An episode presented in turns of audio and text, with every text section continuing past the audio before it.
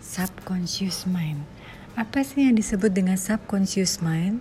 Subconscious mind itu adalah pikiran terdalam kita mengenai masa yang akan datang.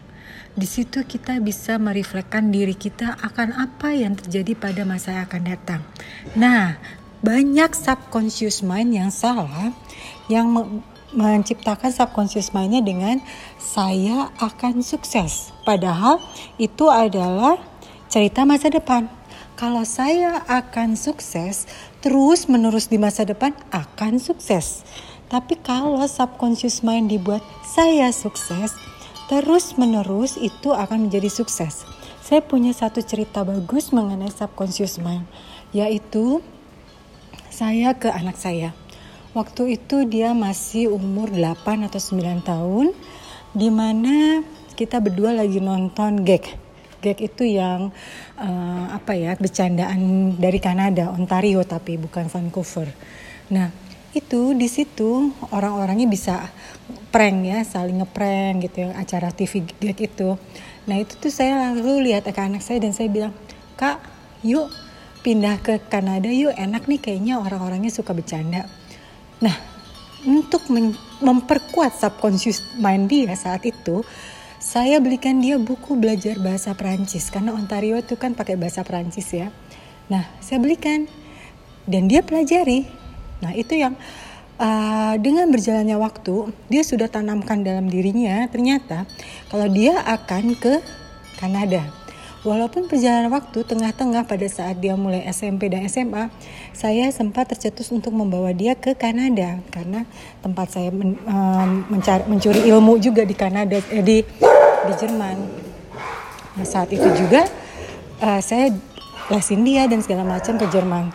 Tapi ternyata subconscious dia main, ya, main dia yang menang adalah last minute dia akan berangkat ke Jerman, dia membatalkan dan tiba-tiba dia keterima di Kanada. Itu salah satu cerita yang bagus sekali mengenai subconscious mind. Jadi subconscious mind itu bukan melulu diri kita, tapi juga bisa diberikan kepada anak-anak kita.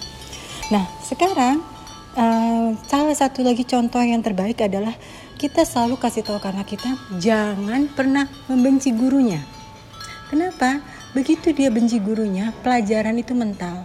Jadi sampai detik ini anak-anak tidak pernah menyalahkan gurunya kalau pelajarannya jelek atau pelajarannya dia nggak suka. Nah, jadi uh, coba kita mulai selalu membuat mindful thinking. Mindful thinking itu penuh, pikiran yang penuh dengan hal-hal yang selalu baik yang akan terwujudkan pada masa depan. Ada lagi satu cerita mengenai subconscious mind.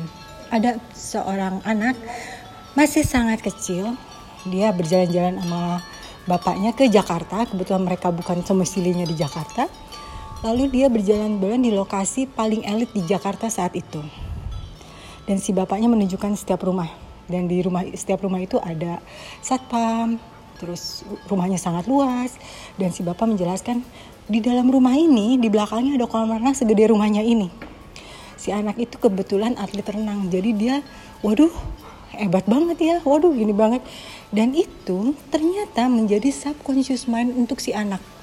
Si anak terus selalu berpikir saya akan tinggal di situ saya tinggal di situ saya akan tinggal di situ bahkan pada saat si anak itu belum punya rumah di daerah situ dia baru mulai kerja dia selalu bercerita ke orang-orang rumahnya di mana di situ dia selalu gitu dan Gak lama kemudian, sekitar 10 tahun kemudian, si anak itu benar-benar punya rumah di daerah itu.